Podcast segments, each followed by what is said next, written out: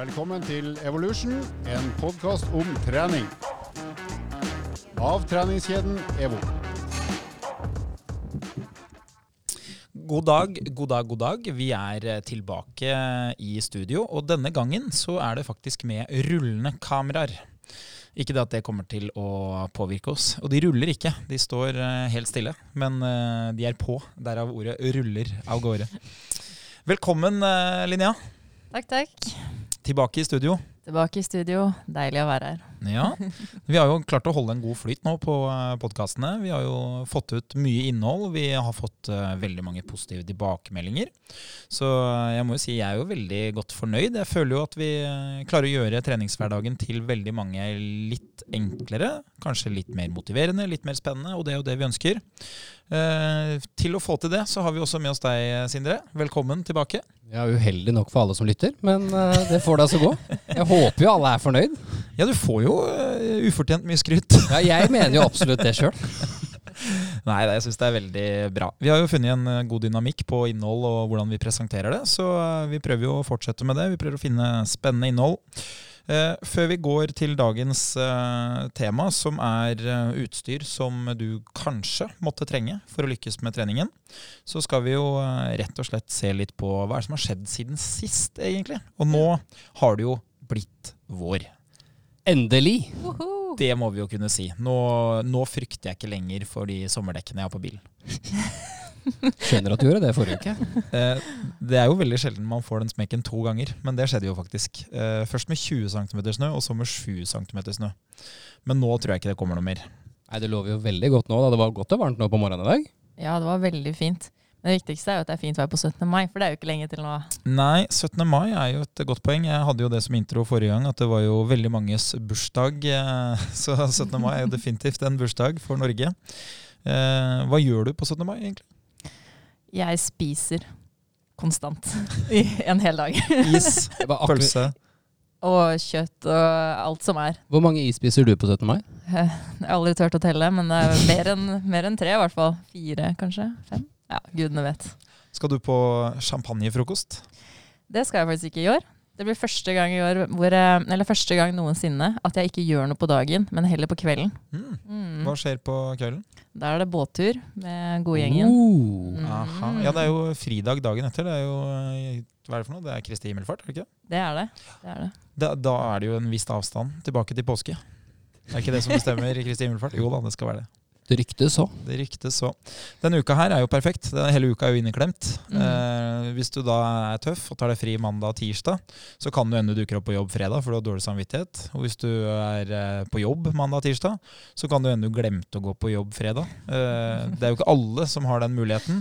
Eh, hjemme hos oss er jo samboeren min jo sykepleier, så da er det jo bare å glemme at det fins fridager og inneklemte dager. Og, men på kontoret her så kan det jo hende enkelte glemmer å møte opp. Det er sant. Not all heroes wear capes. Er det ikke det man sier? Det er sant. Oi, det er det. Det er et godt poeng.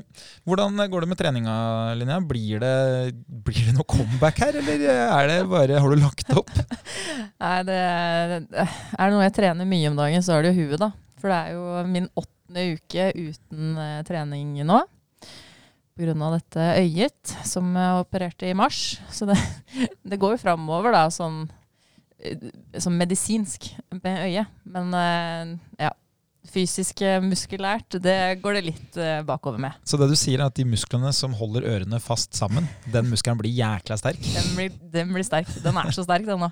Herregud, aldri vært sterkere i huet. Men du, dette her har jeg tenkt på ganske mye. For nå har det snart gått Du sa to måneder, gjorde du ikke det?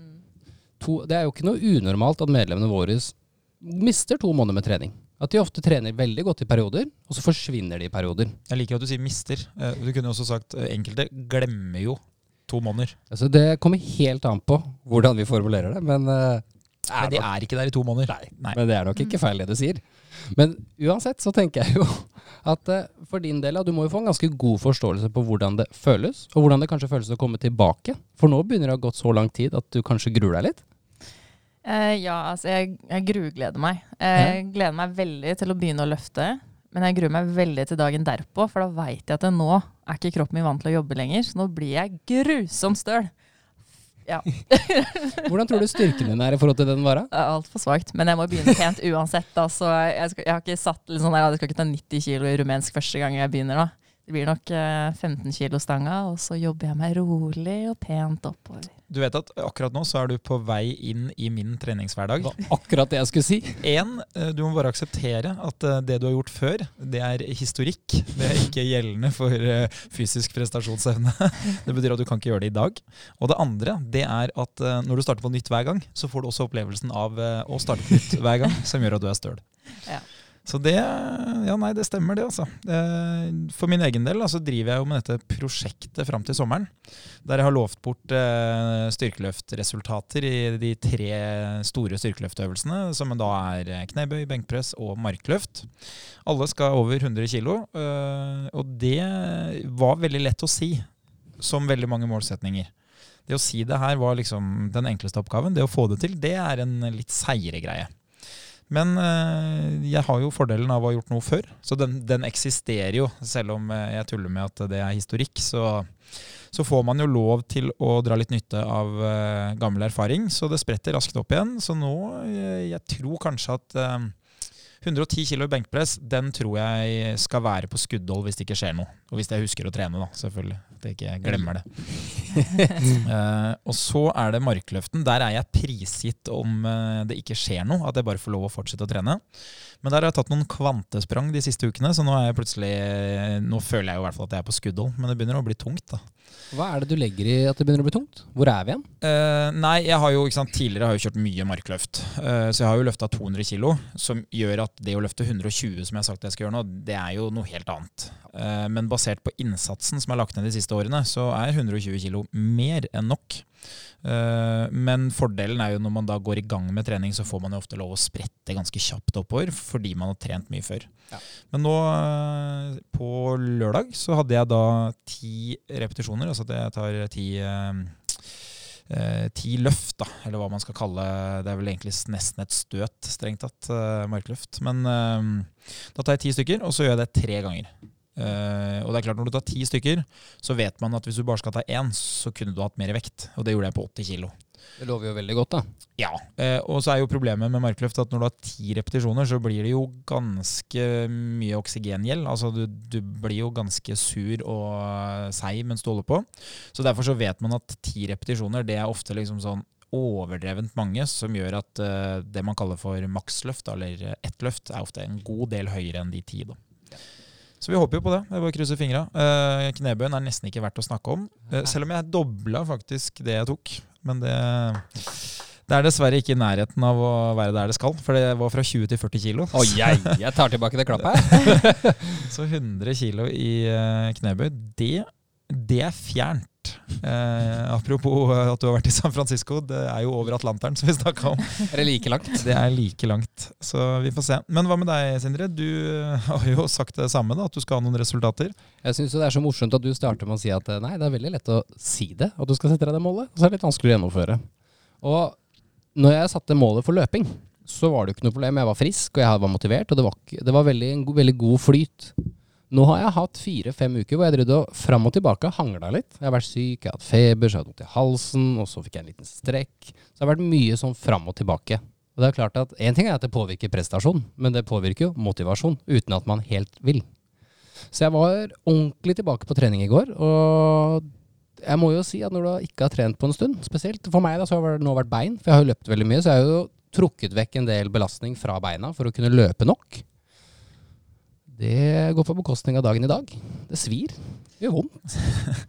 Det er jo sånn at uh, i um, målsettingsteori da, så sier man at 50% sannsynlighet for måloppnåelse, det er eh, et, et godt mål. Fordi uh, det vil gi stor sannsynlighet for at du kan nå det. Det vil gjøre at du leverer bedre enn om du ikke hadde målsetning. Men så er det også sånn at når du når det, så vil du oppleve mestringsfølelse. Så hvis du sier at du hadde satt 100% eller 99% sannsynlige eh, oppnåelige mål, så hadde du jo klart det. Men du hadde fått lav grad av mestring fordi eh, det utløser jo ikke noe glede av at eh, du klarte en selvfølgelighet. Ja. Og motsatt vei, hvis du hadde satt det mye mye høyere, altså at du har 10 sannsynlighet, eh, det er ofte det man kaller for et drømmemål, som kan være litt sånn eh, følelsesmessig betinga, men kanskje ikke logisk, så er det jo stor sannsynlighet for at du bare aldri får det til. Men jeg syns jo den strategien som du bruker nå, den liker jeg. Og det er jo at du setter deg en målsetning som er ambisiøs, og så spoler du fire uker fram, og så er den enda mer ambisiøs. Altså, jeg lever jo av et veldig enkelt Et så veldig enkelt mantra, holdt jeg på å si. Reach for the moon. Even though you miss, you will land amongst the stars. Du det, må, måtte på med noe amerikansk her for å redde i land den. ja, klart det. Nei, men sånn, egentlig det er veldig klisjé. Men så er det også en veldig fin læring i det. Altså, det er vondt, som du sier, å ikke nå målet sitt. Man blir skuffa. Men hvis man også ser hvor langt man har kommet fra der man var, så er det ja, jeg setter meg et ambisiøst mål. Og det er klart at nå når det har gått fire uker, så har det blitt mer ambisiøst. Men jeg har jo blitt mye sterkere. Ja. Så jeg ser jo en god progresjon, og så kan jeg jo stille meg selv spørsmålet hvis jeg ikke får det til. For det er jeg ikke overbevist over ennå. Jeg tror jeg skal klare det. Men skulle jeg ikke klart det, så har jeg blitt veldig mye sterkere om jeg ikke hadde satt meg det målet. Og det er jo noe jeg prøver å si til PT-kundene mine nå når de mislykkes. Så sier jeg du har jo ikke mislykket. Du har jo bare funnet en ny vei til mål. Og så har vi jo blitt bedre enn det vi var når vi først satte målet. Så kanskje vi skal prøve å sette oss et nytt mål nå, og prøve en gang til. Mm. Du er i bedre form. Du har erfart hvordan det føles å ikke få det til, og vite at men det kommer til å skje neste gang. Ja, Det er jo et, eh, et veldig godt poeng da, som jeg opplever selv. og Det er jo både når det gjelder løping, eller om det gjelder styrkeløft. eh, Til og med når det gjelder PT-timer, f.eks., som er ofte en, en det er jo en salgsjobb hvor du på en måte må møte de kundene som du skal trene, og så får du en litt annen hverdag når du har de kundene, for da lever du jo mer av å trene de enn å finne de. Ja. Og da er det jo ofte sånn at hvis du finner deg noen å konkurrere med, eh, så kan det jo være sånn at ok, jeg vant ikke den interne konkurransen mot en jeg kjenner eller en kollega eller en jeg trener med, men prestasjonen min blei bedre av å delta i konkurransen enn om jeg bare skulle holdt på på egen hånd. Ja. Og det opplever jeg jo mange ganger at eh, ok, her tapte jeg spurten på en 10 km, men jeg løp jo to minutter raskere enn det jeg hadde gjort hvis det ikke var med en annen kompis som jeg endte opp da med å tape med, da, eller tape mot, Ja. i, hermetegn. Så det er jo noe som er verdt å ta med seg, at det, litt, det å ha litt intern konkurranse, det er jo eh, ofte en ting som fremprovoserer bra resultater.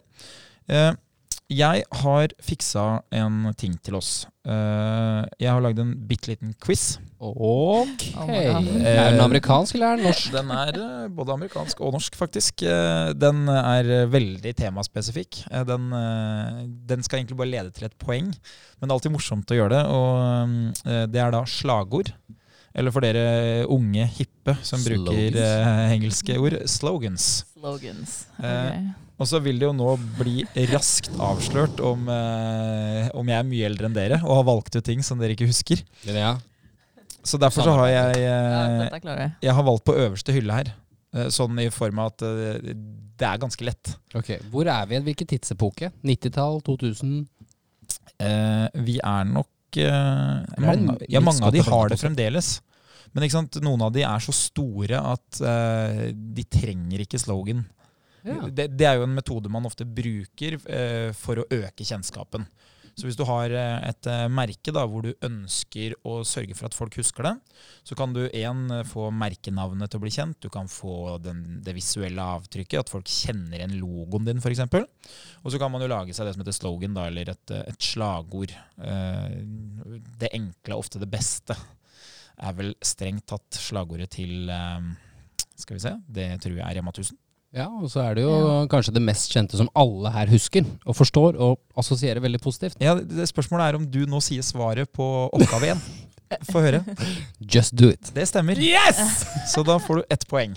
Uh, og uh, Apropos det å sette målsetninger og det å skape mestringsfølelse, så var det jo litt bevisst at eh, Nike da var uh, å, å nå her. Nå går det nedover!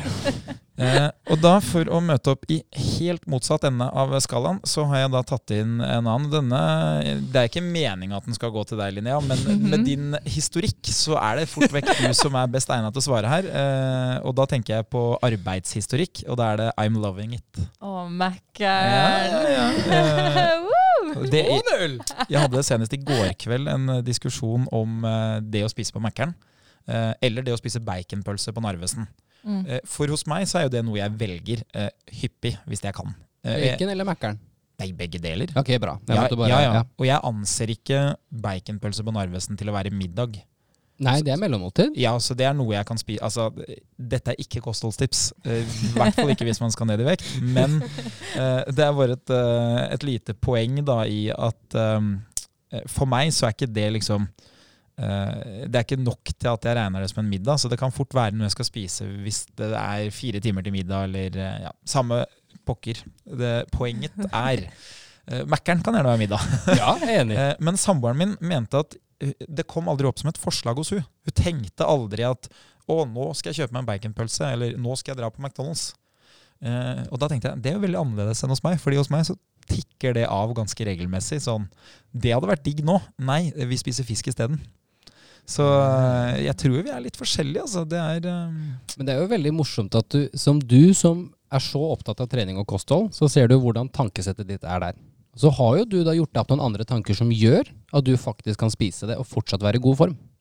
Og det er jo dette her vi jobber hele tiden med kundene våre. Vi skal ikke spise kylling og brokkoli. Vi skal jo kunne spise en baconpølse på, på si på Shell-stasjonen. Vi skal jo kunne spise litt Mækkern-mat. Men det, vi må ha balanse på det. Vi må gjøre en livsstilsendring som passer det livet du har lyst til å leve, da, og kunne være i god nok fysisk form.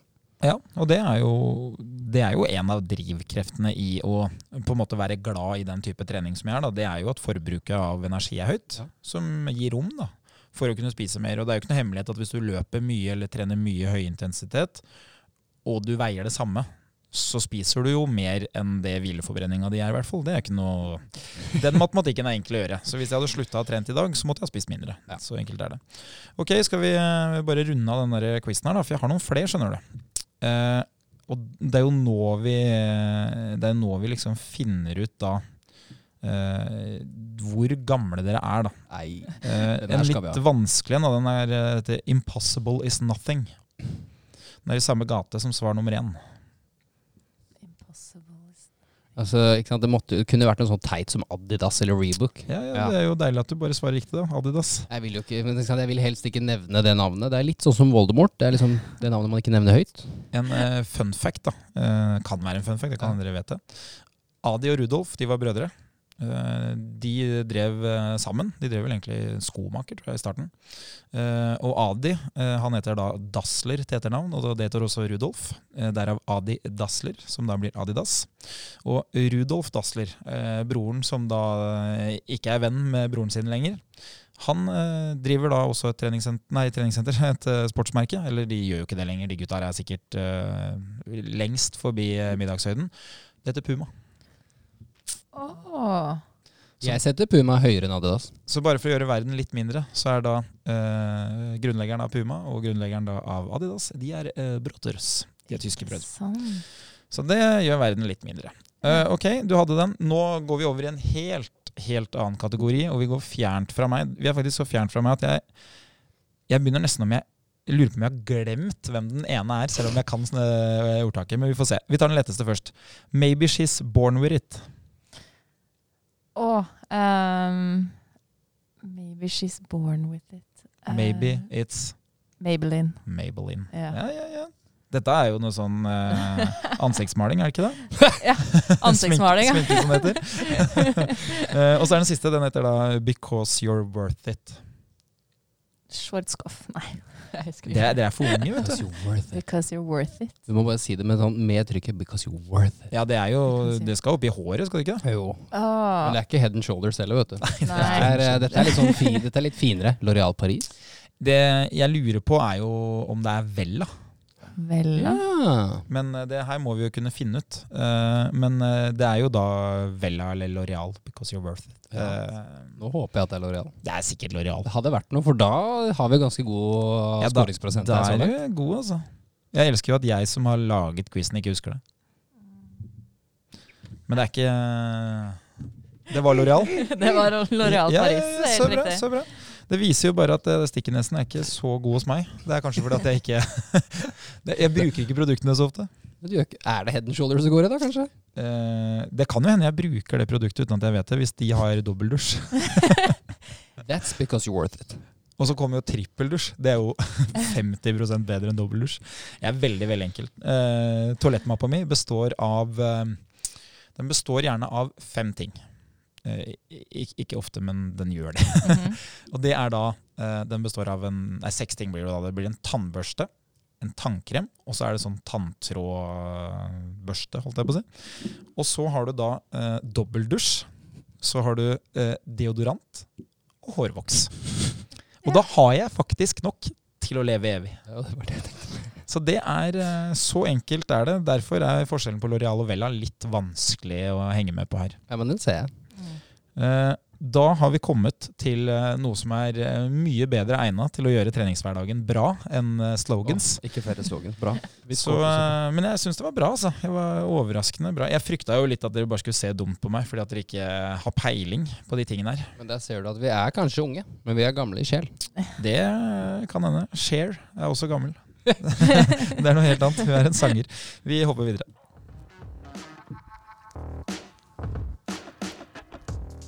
Men er egentlig Cher gammel? Det spørs hvem som Altså For Olav Thon er jo superung.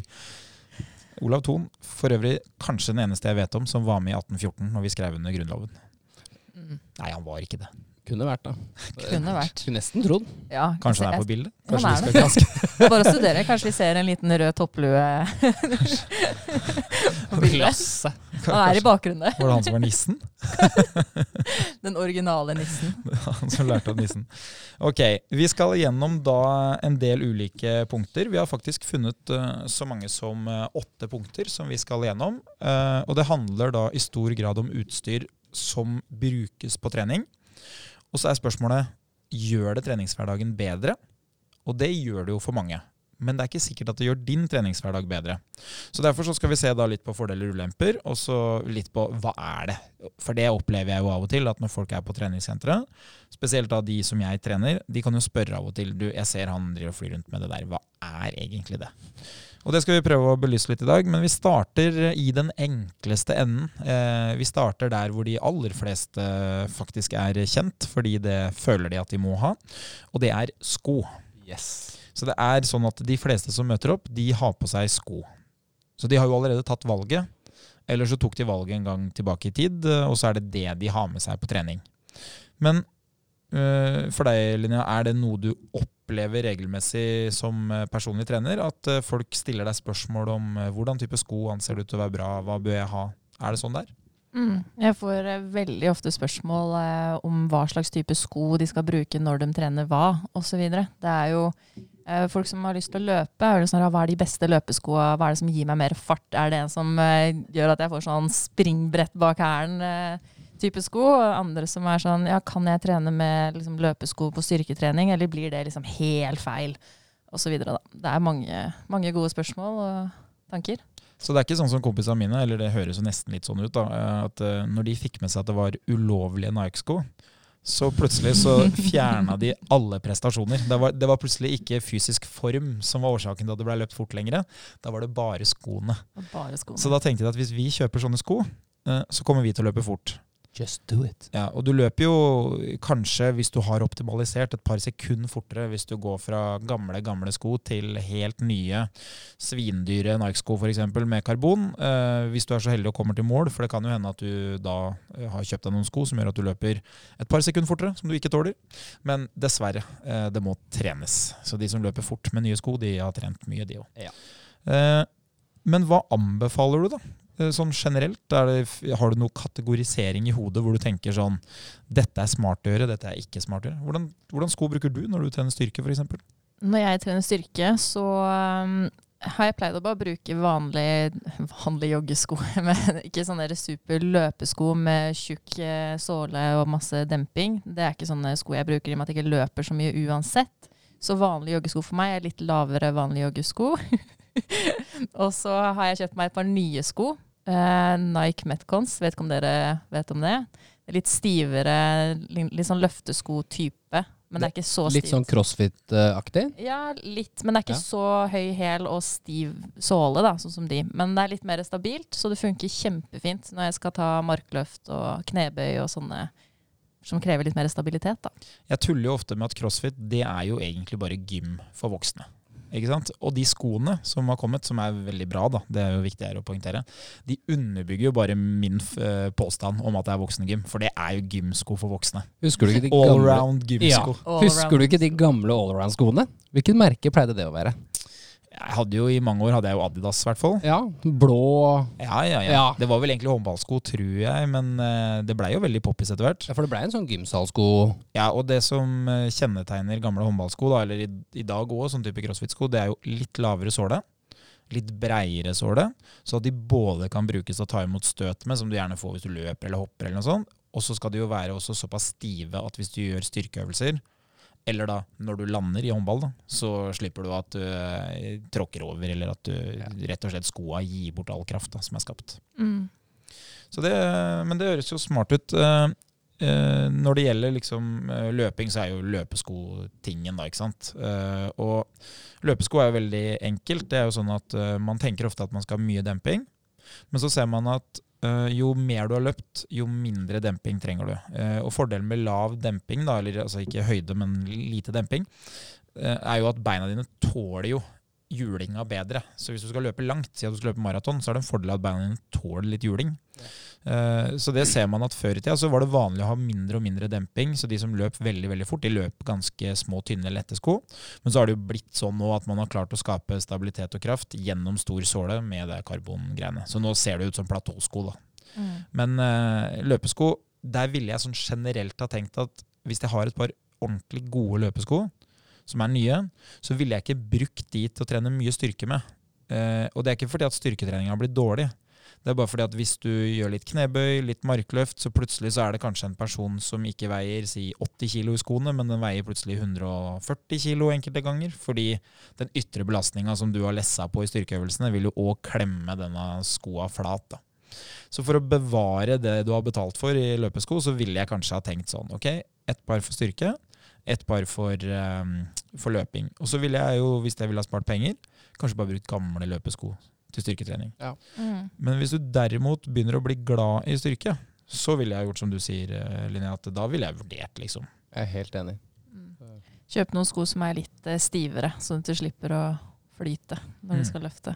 Hva med deg, Sindre? Hva bruker du? Basketsko? Vet du hva, det hender. Det, det går jo ofte i tre forskjellige ting. Basketsko, ba, altså sokkelesten, eller Converse. For jeg Ja. gjør det veldig, jeg gjør det oftest lettest mulig. Jeg har jo ikke investert i en sånn crossfit-sko. Jeg ser jo fordelen med det, men jeg har ikke noe problem med å løfte uten. Jeg er ikke vant til å løfte noe med noe løftesko. Jeg har prøvd én gang, og det er stilig, det òg. Og jeg har prøvd en sånn crossfit-sko, den er også ganske stilig. Men jeg er så vant til å trene barbeint, eller barbeint, sier jeg, i sokkelesten, fordi når vi spilte basket, så hadde vi der vi trente før, så hadde vi tilgang til et vektrom ved siden av baskethallen. Og da var det normalt at vi spilte basket først, og så gikk vi og løfta vekter etterpå. Og det det ofte gjorde da, var at vi alle var så svette på beina, så vi tok bare av oss skoa. Og så fikk vi også beskjed om at basketskoen den har mye stabilitet. Og dere som sliter med anklene deres, dere burde jo styrke opp anklene. Så vi trente jo da uten sko.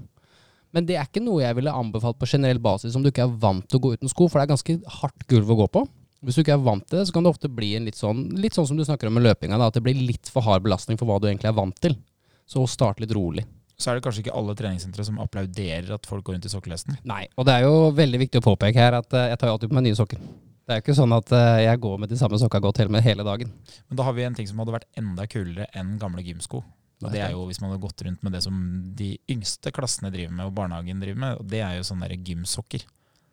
Tenk Med deg. sånn antiskli, ja. Tenk deg det hadde vært fett. da. Bare rundt på treningssenteret så labber det en hel haug med sånne. Hadde vært ganske stilig. Det hadde sett ut. Nei, så jeg, men jeg sier jo det til kunden min nå, at eh, det viktigste her er jo hvor viktig er det for deg? Komfort. Ja. Så liker du det, så kjør på med det. Men det viktigste, trives du på senteret, bruk det du føler du lykkes med. Mm. I hvert fall før du har blitt god. Sindre, et spørsmål til deg. Hva tenker du om eh, slides på trening? Tøfler. Ah, altså, jeg bruker det ikke. Eh, jeg lomper ofte med det til trening, men å løfte med det ville jeg aldri ha anbefalt. Det er så ustabilt. Lett å skli ut av en sånn flip-flop. Gjør du det med, som du sier, da, ganske tung vekt på ryggen f.eks., så kan jo det risikere skade. Det er jo det er jo veldig guttastemning å gå rundt i slippers på treningssenteret. Det må jeg bare si. Og jeg, min tanke er jo at det fins noen prosent å hente ut her i å eh, liksom være litt mer seriøs, tenker jeg da. Men det er klart, skal du nå bare inn og kjøre benkpress, så er det jo sikkert mulig å gjøre det i, i slippers. Men jeg løfta jo benkpress hjemme i går, og jeg har jo faktisk eh, kall det slippers eller tøfler eller sandaler eller Og jeg bruker jo ikke de selv heller når jeg trener hjemme. Hvor jeg kunne ha liksom tenkt at ok, jeg bryr meg ikke om hvordan andre ser meg her. Så jeg ville jo, som du sier, Sindre, tenkt at det er nok litt å hente på å ha beina godt planta i bakken. eh. Og så har vi jo en ting som vi ikke har snakka om her, da, som er på en måte next level, og det er jo at man kjøper seg sånn type styrkeløftsko. Ja. Hvis man er veldig glad i knebøy, eh, og hvis man gjør noen andre løft og sånn, men det er klart du må dit da for at de skal ha funksjon, for de har jo gjerne en oppbygd hæl, og så er det jo eh, knallhard såle. Så du kan jo ikke løpe med de, eller sånn. Gjør gjerne det, men det er kortvarig. Det er som å løpe i tresko. Ja. Uh, så det er, det er jo sko som jeg har sjøl. Altså. Jeg har brukt det mye, jeg òg. Syns det er ålreit. Men de passer jo ikke til alle øvelsene, så det blir litt sånn kronglete. For det å kjøre markløft i løftesko jeg syns ikke er så behagelig som å kjøre knebøy, f.eks. Så det er litt sånn avhengig av hvor du er. Ja. Og så er det jo et godt poeng. Du sa jo du brukte Converse, og, og det som kanskje er greia òg, er jo at i crossfit så gjør du jo veldig mye bevegelse som gjør at det kan være en fordel at skoene er stabile, mens eh, når du kjører styrkeøvelsene dine, så tipper jeg jo at de foregår på stedet hvil som regel. Yes. Og så er det jo litt sånn i forhold til pris. da, Har du akkurat begynt å trene, så er det kanskje bare å holde på med trening og lykkes med det. Så hvor mye skal man investere? Mm. Så start rimelig. Det viktigste er bare at du føler deg komfortabel. Det viktigste er at du ser bra ut, er det du sier. Ja, altså det, hvis, Du må jo ha fullt Nike-utstyr. Det vet vi alle. Hallo. Så la oss gå videre da, til se bra ut, eller funksjon, eller uh, neste punkt på lista over utstyr som uh, du kanskje må ha for at det skal bli bra, eller uh, du lurer på om du må ha. Det er jo da klær. Og da, vi, skal ikke, vi skal ikke gjennom alle slags klær, men vi skal nå gjøre det litt, eh, litt mer oversiktlig. Hva, hva bruker du, Linnea, når du trener sjøl? Jeg øh, bruker mye forskjellig. Jeg er ikke så opptatt av merket som en eh, viss liten person ved siden av meg. Liten person, faktisk. uh, og for meg så har jeg satt ned fire punkter som er viktigst for meg når det kommer til uh, treningsklær. Og det er én, at jeg skal være stretchy. At jeg kan bevege på meg og gjøre det jeg må ut i de posisjonene som jeg trenger. Som f.eks. nesten i en spagat. Ja, du Altså- driver jo med spagatgreiene dine. Jeg gjør det, Da er det viktig med god stretch. Hvis ikke så spjæles det i hytt og pinne, og det er ikke greit. Det vet jeg ingenting om, fordi Nei, eh, i olabukse så er det fremdeles bevegeligheten min som stopper meg, og ikke buksa. Det, det er godt jobba. uh, og nummer to, det er at det er luftig. Det er viktig at jeg ikke føler at jeg er en pølse i pølseskinn, holdt jeg på å si. Pølse i pølsebrød. Jeg er helt mongo der. Men ja, eh, at det, ikke, at det sitter så tight. da. Jeg liker at det er litt um, loose fit, luftig digg. Så det er ikke noe kompresjon. Nei, kompresjon det kan jeg vente til jeg blir litt hoven. Det var kult, det var kult før 2020, si. Ja, ja nei, det har endra seg, det. Ja. Eh, og nummer tre, det er at det er eh, sweatproof. Ja. Og med det så mener jeg at eh, jeg kan, hvis jeg kan løpe og gjøre ting uten at det ser ut som at jeg har tissa på meg på buksa. For det er mange kule farger. Tenker kanskje at den turkise tightsen den var skikkelig fet, liksom. Og så løper du i to minutter, og så ser det ut som du har ja, tissa på det. Og kanskje gjort litt andre ting på bakenden. Og det vil man jo helst slippe. Eh, og det er faktisk uh, ganske populært om dagen på TikTok og sånt å gjøre sånne reviews. Og da er det ei som uh, har gjort det kjempestort. Hun har sånn 1,3 millioner følgere, tror jeg. Oh, wow. Ja, Og da har hun en sånn serie da, hvor hun har sånn piss pant review. Og da gjør hun akkurat det. Hun løper, og så sjekker hun om det syns med svette, og hvor lang tid det tar før det liksom forsvinner. da. Og det er veldig viktig for meg. Det er veldig stilig. Hva er det hun heter? Hun heter Chase et eller annet, hvis jeg ikke husker helt feil. Kult. Mm. Aldri, aldri tenkt på det som en problematikk i det hele tatt. Ja. Men jeg hører 1,2 millioner følgere, så skjønner jeg at det er jo et reelt problem. da. Ja, øh, jeg, jeg forstår det jo. Selv om, som sagt, det er jo ikke Eller som du sa, øh, det er ikke noe jeg har tenkt på. Men jeg bare tenker igjen på det nå, at øh, det er jo selvfølgelig sånn Det er jo en enkel grunn til at jeg ofte bruker svart shorts. Så når du løper øh, mye, så blir det jo Men det, det, jo ikke, det blir jo ikke seende sånn ut fordi det er shorts, ikke sant? Mm. Men da ser man jo ofte at svetten har jo på en måte gått ovenifra, der hvor den henger fast i kroppen. Og så svetter man seg et visst stykke ned på shortsen eh, som Ja. en sånn slags marg rundt eh, kroppen. Så da tenker jeg jo kanskje at det, det må jo være ganske aktuelt ja, å ha med i problemstillinga si. Ja, det er det. For oss jenter som bruker tights, og vil ikke bare bruke svarte tights hele tida, så er det ja, greit å sjekke hva som holder og ikke. da. En ting som jeg har ø, observert da, som er viktig for jenter, det er jo om man er gjennomsiktig. Mm. Er det også et ø, poeng, liksom? Det er det. Det var faktisk mitt fjerde poeng. At uh, det viktigste for meg er squat proof. Squat proof. Yes, Det er riktig terminologi for det. Så det skal gå an da å gjøre squat som er knebøy, altså at du skal kunne sette deg på huk. mm. Og da skal det ikke være Ikke være innsyn.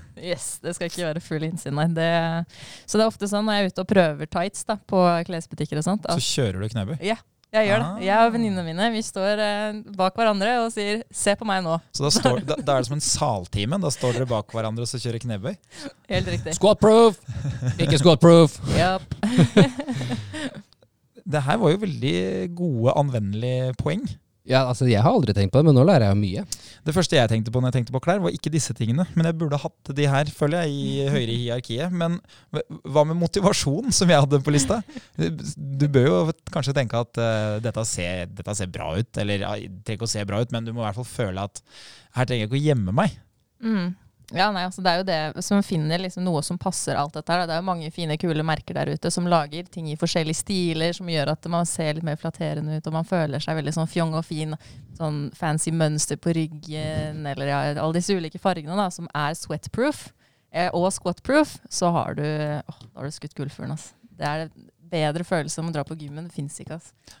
Nei, Det skjønner jeg. Det, det var jo mange nyanser her. Jeg har jo også øh, min egen greie når det gjelder liksom å skulle ha klær som ser fornuftig ut. Og, og den problemstillinga kom jo da for si ti år siden, når, øh, disse, øh, når skoindustrien bestemte seg for at øh, det skal se ut som neonfarger. All, alle sko skal ha neonfarge. Det skal ikke være noe vanlig farge lenger. Så da måtte jeg gå for svart-svart. Eh, fordi eh, den enkle sjelen som jeg er, eh, tenker jo at det ser rart ut hvis du har forskjellige farger som ikke matcher.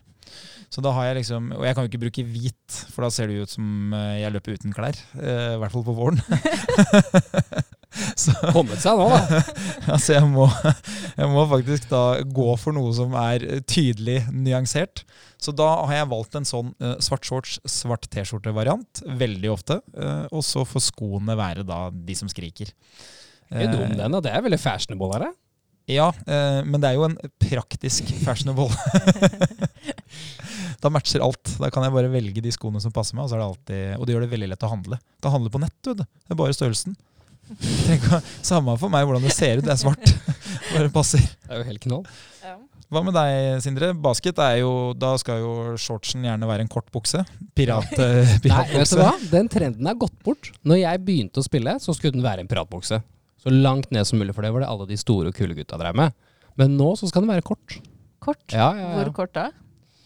ja sånn eh, midt på låret-kort. Litt, nei, litt over. Litt over. Her. Nå flyr det en hel haug med basketspillere i NBA rundt.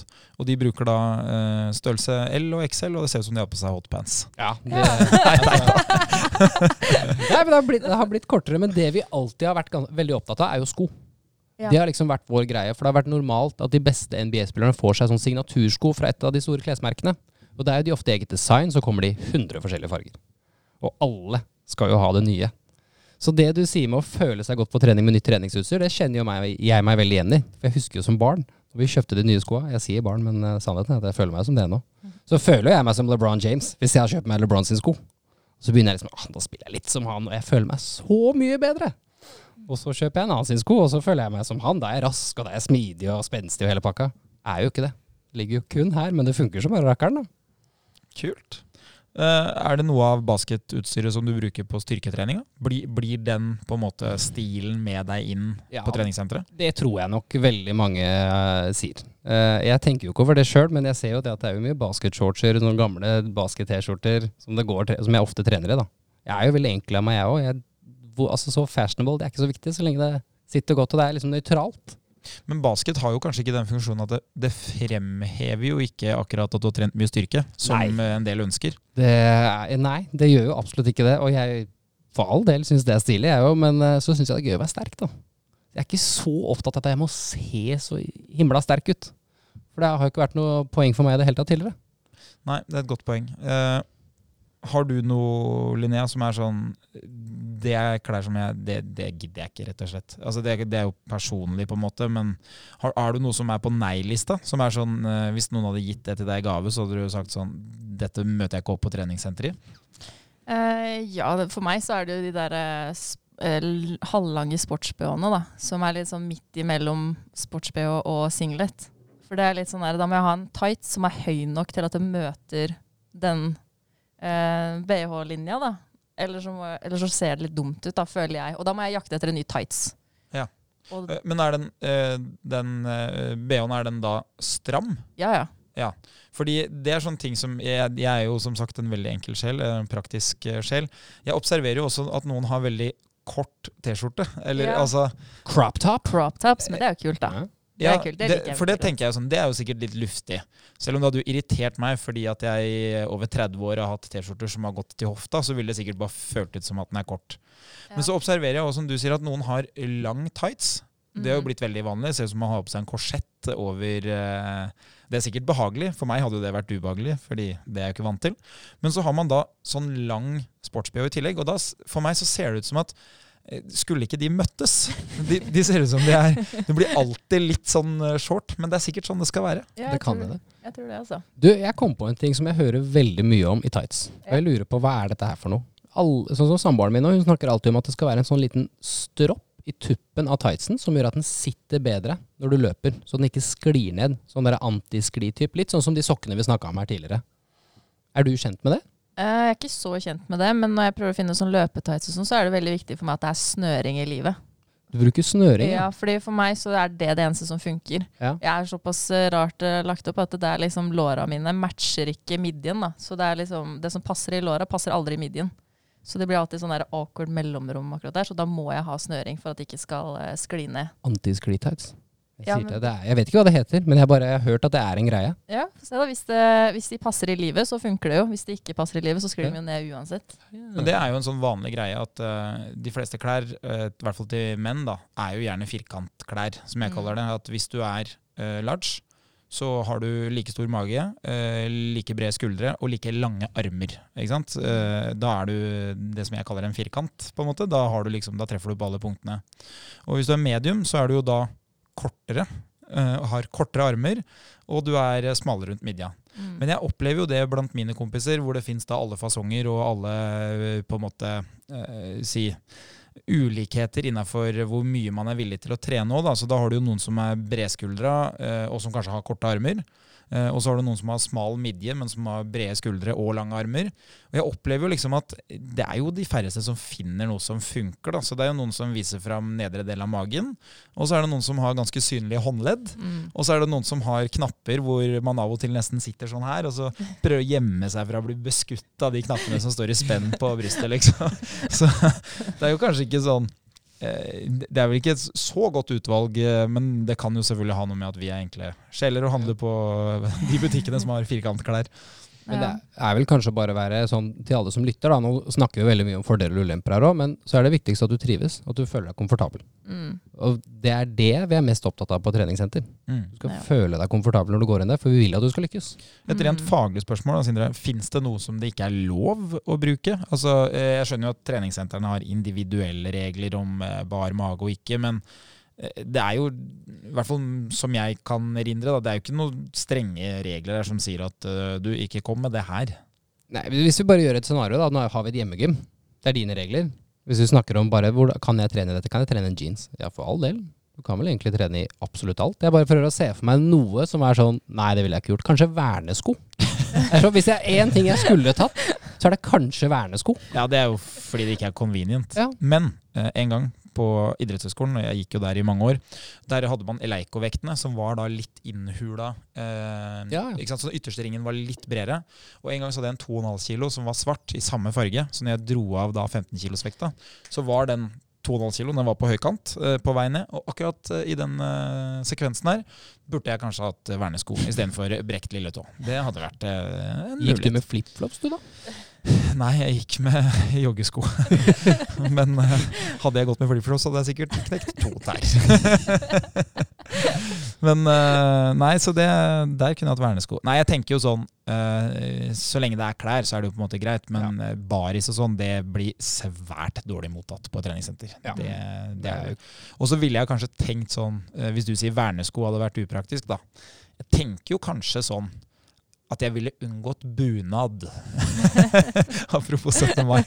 Men, og der går vi tilbake til prinsippet komfort. Ikke sant? Det er jo En bunad det er så, hadde vært så ukomfortabel å trene i. Det samme med jeg håper å si, vernesko. Det hadde jo gått. Men spoler du 150 år tilbake, så tipper jeg at vadmøl sikkert var et treningsantrekk. Så sånn sett, så hva vet vi? Egentlig, vet du, det er egentlig et veldig godt poeng. Det er jo hva man er tilbake til sånne tightsene. Det er hva man er vant til. eh, vant vel OL-gull eh, OL-gull i vadmøl eh, tidlig 90-tall. Nei, tidlig 1900-tall. Det verste er man hadde ikke, hadde ikke slått han i dag heller. vet du. nei, nei, jeg, Selv med kule Nike-sko som har eh, karbonplate i seg. Ja, skal vi hoppe videre da fra klær? Eh, Da blir vi litt mer praktiske. Vi vet at eh, det finnes mange duppeditter og utstyr man kan bruke. Ja. Så det vi skal snakke om da, det er jo det som kanskje lettest forstås hvis vi kaller det for stropper. Som er da noe man bruker på håndleddene for å sørge for at det man holder fast i, eh, er mulig å holde fast i, hvis vi kan si det sånn. Så hvis du gjør øvelser hvor du trekker, eller hvis du løfter en stang, og det er håndleddet ditt som på en måte ikke klarer jobben, eh, det betyr jo da eh, de musklene som sitter på underarma, eh, de som blir store på skipperen når den eh, spiser spinat, de musklene kan ofte, hvis ikke de har blitt trent tilsvarende det du evner å løfte eller holde i eller henge i eller hva du vil, så kan man bruke stropper. Og der har det jo kommet noen sånne nye fancy greier som ikke heter stropper engang. Hva, Linnea, du som henger med på mote her, hva, hva er det for noe? Eh, er, jeg kaller dem for flaps, fordi de, de flapper. Eh, Det er sånne gummivarianter av de eh, stroppene. Som er mye mer praktisk og enklere å bruke, syns nå jeg, da. For det, det eneste du gjør, du har en borrelås, tar den rundt håndleddet, og så har du den flappen på innsida av hånda. Og da kan du ta stanga, og så har du den mellom flappen og hånda di, og så tar du flappen rundt, sånn at du får tak i det med fingrene dine, og så snurrer du litt med håndleddet, så får du festa den godt der. Og da slipper du å bruke så mye grepsstyrke for å løfte opp stanga eller trekke ned stanga. Ikke sant? Så hvis du, hvis du har blitt sterk nok, da, eh, hvis vi finner noen øvelser, vi sier markløft, da. Du har Mm. blitt sterk nok i beina og i ryggen og i øvre del av ryggen til å faktisk klare å løfte stanga. Eh, men du har ikke nok styrke i håndleddet til å tåle å holde belastninga. Så kunne du brukt de for å da rett og slett kunne ha riktig eh, antall repetisjoner som du har sagt du skal ha, eller Så det gir en mulighet til å ha høyere belastning. Absolutt. Det er jo det som kommer til å hjelpe deg mer med muskelvekst, da, der du faktisk ønsker det. ikke sant? For du vil jo få mer muskelvekst på lår og rumpe osv., ikke sant? og da kan du ikke la grepet stoppe deg. Nei. Og dette her var jo tidligere reimer. Da hadde man gjerne sånne skinnreimer, og man gjorde egentlig akkurat det samme. Man bare snurra den uh, stroppen, da, den, den løse delen av skinnreima, den snurra man rundt stanga. Og så hadde man da i den ene enden av den stroppen en løkke, og inni der hadde man håndleddet. Mm. Og så bare surra man seg fast. Men så finnes det jo også en tredje variant, og det er jo den crossfit-varianten, som da er litt sånn som du beskriver, bare at den flappen den er andre veien, hvis jeg skjønner. Ja. Og, og det er jo for å prøve å skåne innsida av henda. Det er jo sånn turngreie, egentlig, tror jeg. For eh, Jeg husker i hvert fall veldig godt, og det har jeg jo sett på mange av de som driver med crossfit òg. Uh, når jeg gikk på idrettshøyskolen, så skulle vi ha turn. Og da hadde vi Jeg husker hva det heter. Skranke, tror jeg det heter. Når det er eh, nå avslører jeg at eh, turen var ikke min greie, i hvert fall. Men det er den stanga som du skal svinge deg rundt. da. Ja. Og da, For menn så henger du jo den, ikke sant? og det, det er ikke noe vits. Det, det er som å drive med ringer. Altså, Vanlige folk klarer ikke å møte opp til start engang. Uh, men damene har da to. De har én liten og én stor. og Så starter man da i den lille, og så går man over til den store. Så, så dameturen når det gjelder denne øvelsen, her, er faktisk nesten enda kulere å se på enn herrene. Fordi de driver og bytter mellom de to stengene, som er helt innsides. Men da erfarte jeg jo at halve klassen de hadde jo da eh, Du veit liksom eh, i håndflata di, så så du plutselig inni hendene at alle blødde. Og da hadde jo huden løsna, ikke sant. Ja. Ja. Så da begynner man å skjønne at ok, det fins kanskje en løsning her som er bedre enn at halve hånda mi ligger igjen i treverket her. Så det, det er en annen metode som anbefales hvis man gjør sånne type øvelser, hvor man da har mye eh, bevegelse mot stanga. I styrkeøvelsene så ønsker man jo det motsatte. Mm. Der vil man jo helst at den stanga skal være stille. Ja. Fins det noen baksider her, Sindre? Hvis du sier at fordelen er jo at vi klarer å få løfta mer, hva, hva, er, hva kan ulempen være, liksom? Nei, vi blir jo, som du sier da, vi blir jo sterkere i enkelte muskelgrupper, som ofte er der hovedfokuset ligger. Men så blir vi, og mister vi også muligheten til å bli sterkere i de musklene vi avstår fra, som du sier med underarmen. da. Så underarmen vil jo ikke få det potensialet det kunne fått. Så her er det jo viktig å gjøre seg opp en mening. da. Har du lyst til å bli sterkere i beina, eller har du lyst til å bli sterkere i selve øvelsen? Hva er viktig for deg? Er det muskelvekst, eller er det egentlig å bli god i tradisjonell f.eks. markløft? Som vi har brukt som eksempel nå, da. Så no Mr. Popeye, hvis du bruker det der. No, Mr. No, Mr. Popeye!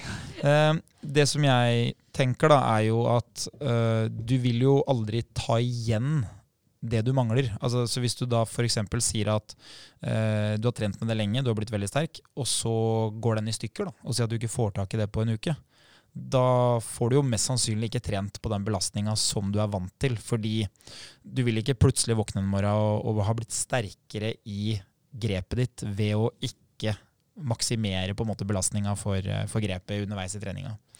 Så det er det ene. Eh, og det andre er jo litt sånn Det spørs jo hvilket nivå man er på, da. Men hvis det ikke det er veldig viktig for deg at det er skikkelig tungt, så er ofte det at eh, det fins noen weaklings, da, altså noen svake elementer i eh, øvelsen du gjør, det holder ofte belastninga nede. Yes. Mm. Så det, det, hvis du tenker at det å bruke koffein da, det skjuler ofte smerten og gjør at du kan løpe fortere eller presse deg mer, som fører til skader, så kan det jo fort være sånn her at hvis du går fra å ha trent lenge uten, til å plutselig få da tak i det og begynner å bruke det, og så spretter du opp si 10-15 kilo i markløft, så kan du nesten banne på at det kommer til å dukke opp noe trøbbel et annet sted. Så man Yes. må ha litt sånn respekt hvis man eh, går fra å ikke bruke det til å begynne å bruke det. i hvert fall. Ja. Jeg pleier jo ofte å si til kundene mine som liker å bruke det, og det er jo gjerne de som har gjort det en stund og kommet seg til et ganske et respektabelt godt nivå, som har lyst til å maksimere treningsutbyttet sitt. Da sier jeg ok, men da vil jeg, hvor ofte, og da er vi ofte på kanskje en to-tre treninger i uka. For da har de fått litt treningsmotivasjon. Dette begynner å bli gøy, så frekvensen er også økt. Og da sier jeg at ok, men da gjør vi f.eks. et veldig enkelt eksempel. Du gjør stropper en dag, og så gjør du det uten en annen dag.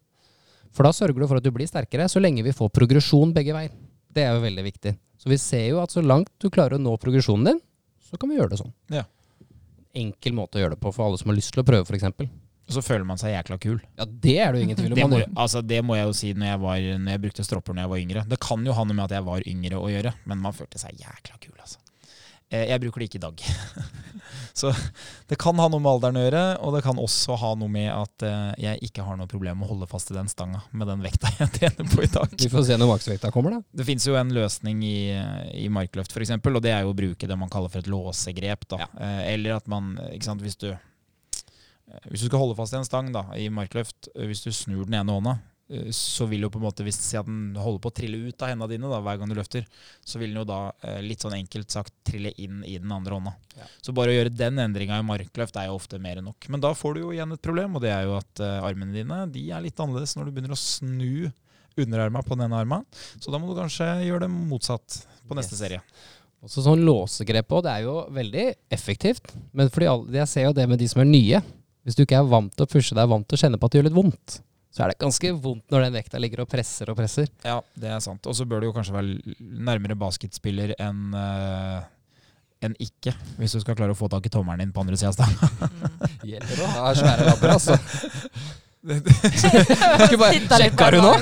Det. Låsegrep det har jeg aldri, aldri prøvd.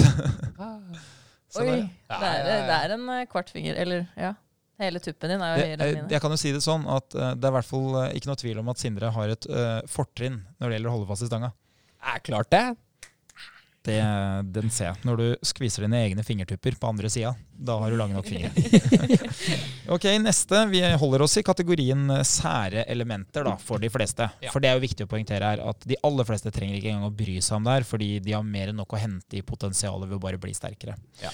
Men da kommer vi til en ting som er veldig synlig, og det er det vi observerer her. da. Tilbakemeldingene går jo på at folk ser dette og lurer på om de må ha det. Så det neste det er da belte. Og det er jo da ikke belte på jeansen, som du sa at man kunne trene i stad. Det er jo det man kaller for et løftebelte, bekkenbelte, nyrebelte, eh, styrkeløftsbelte, vektløftingsbelte. Jeg tror ikke jeg klarer følge nå. Er det det man går rundt med hver gang man tar liksom, Uansett hvilken øvelse man gjør, så bruker man det. Og så bare slipper man det opp etter øvelsen, sånn som på benkpress og nedtrekk og Eh, nå kommer det til å skinne gjennom hva mine fordommer mener om det her. Men eh, hvis du spretter opp beltet etter at du har kjørt eh, knebøy, det, det har jeg en forståelse for hvis det harmonerer med vekta du løfter. Men hvis det spretter opp etter at du har eh, tatt av deg håndleddsstroppene, som er sånn som skal stive håndleddene, i knebøy, da begynner jeg rett og slett å lure på hvilken funksjon dette har.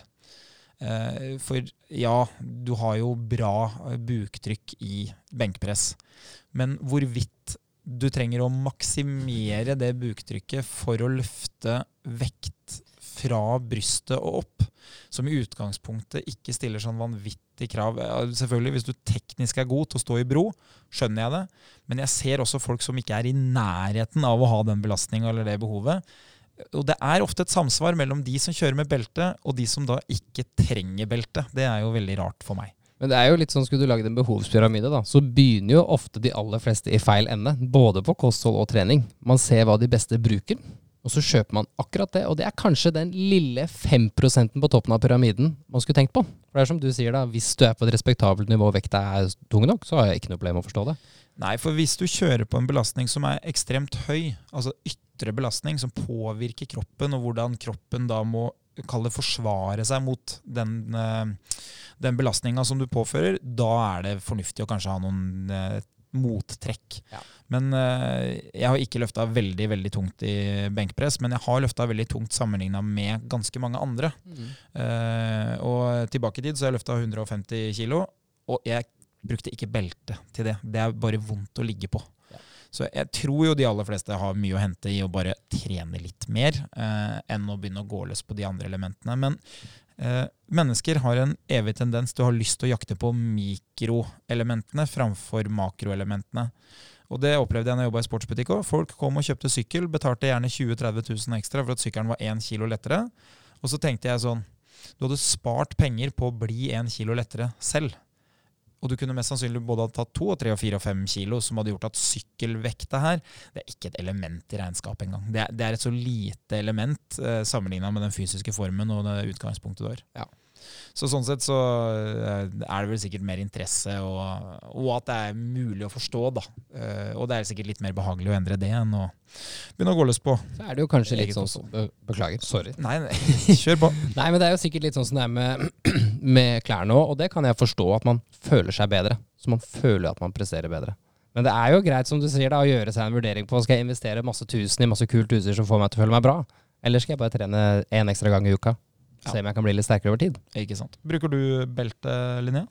Jeg gjør ikke det. Jeg har aldri prøvd det, faktisk. Har du ikke det? Nei, jeg har ikke det. Så jeg har litt lyst til å prøve det en gang, for det ser jo, det ser jo litt dust ut, da, men det er litt sånn det er litt gøy når folk liksom begynner å slenge av seg alt av utstyret rett etter de er ferdig med knebøyen. Det er sånn herre Av med beltet! Og så liksom drar de ned sleevesa på knærne sine, og så vrir de capsen andre veien, og så noen slenger av seg skoa samtidig, og så er det pause.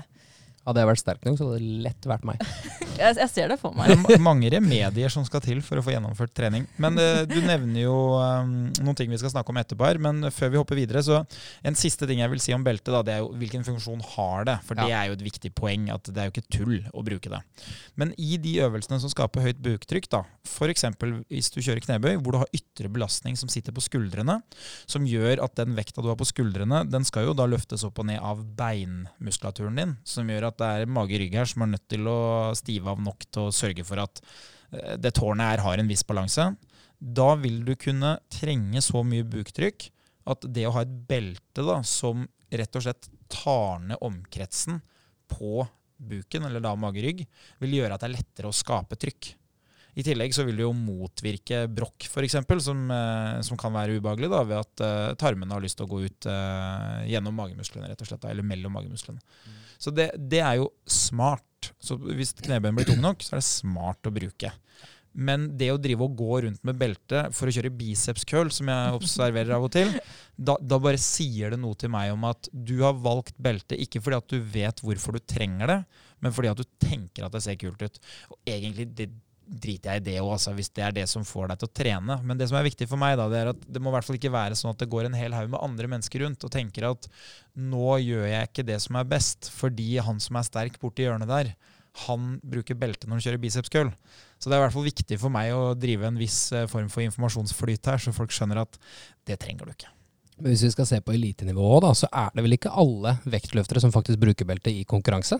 Om jeg husker riktig? Nei, det er jo veldig vanlig en del øvelser, men det er ikke alle, altså. Og det er jo kanskje mer dit man skal se Ja. enn eh, størst og sterkest på treningssenteret, faktisk. Hvis man lurer på Yes. For toppidretten, den er rå og kynisk. Der ser man hva som funker. Det er ikke noe hemmelighet. Nei. Så det, det er et godt tips. Uh, uansett hva du ønsker å gjøre, så liksom toppidretten de har finslept hva som funker best. Skal vi gå videre til det neste, da, som du nevnte, Linja. Uh, det som du kaller for sleeves, Knee sleeves. knee sleeves, Mm. som jeg da kaller knevarmere. Og til de som da er eh, som meg, eller eldre, de eh, vil jo da kunne eh, se for seg dette hvis du ser for deg gamle håndballspillere. Det, det er sånne vi snakker om. Knevarmere. Ja. Og så har du jo en funksjon uh, mer enn uh, å skli på parketten, som er grunnen til at håndballspillerne brukte det. Uh, og vi snakker ikke om sånne knebeskyttere som barn bruker på rollerblades. Det er ikke sånne.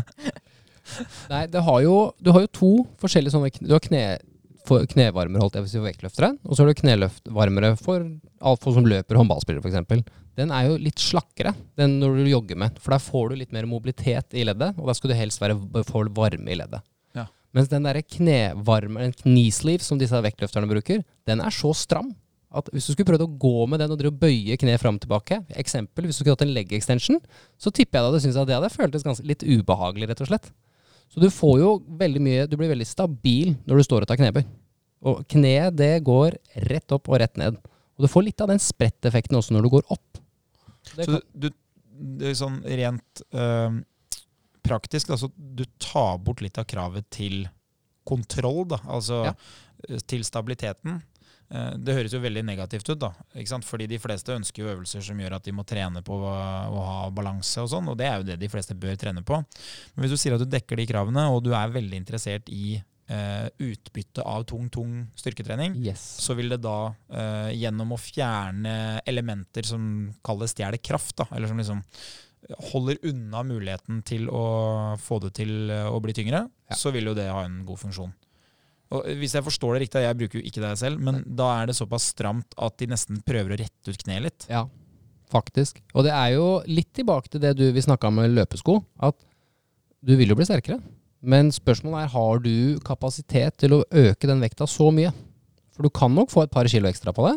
Og hvis du da blir vant med det, og så som igjen, de blir ødelagt, du får ikke tak i, så vil jo det være en utfordring. Og så er jo spørsmålet om det gir så mye for oss, altså oss, f.eks. deg og meg, da, som ikke tar så mye knebøy, tror jeg ikke vi hadde fått så stort utbytte av det. Men jeg tror hvis du er veldig god, så får du nok et ganske godt utbytte av de knevarmerne, holdt jeg på å si. Ja, og så vil jeg jo tenke sånn at hvis du bare bruker det, si at du, du bruker det ofte, trener mye, så bør man jo kanskje ha respekt for at man mister litt stabilitet.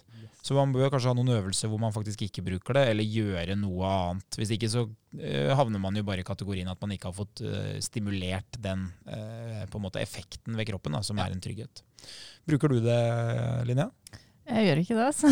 Det, jeg har ikke frista.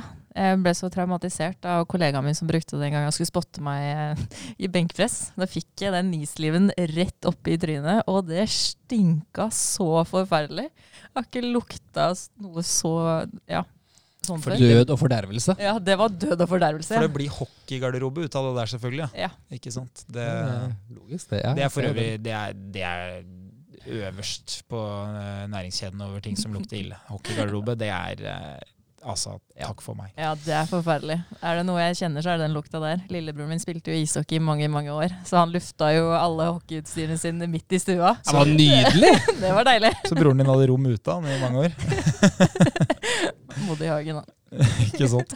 Nei, men det, det her er jo noe som folk som kjører mye og tungt, eh, bør teste. Og, og det er jo Der mener jeg jo at hvis interessen er veldig stor, så skjønner jeg jo veldig godt at dette er en motivasjonsfaktor og et element man vil ha kontroll på.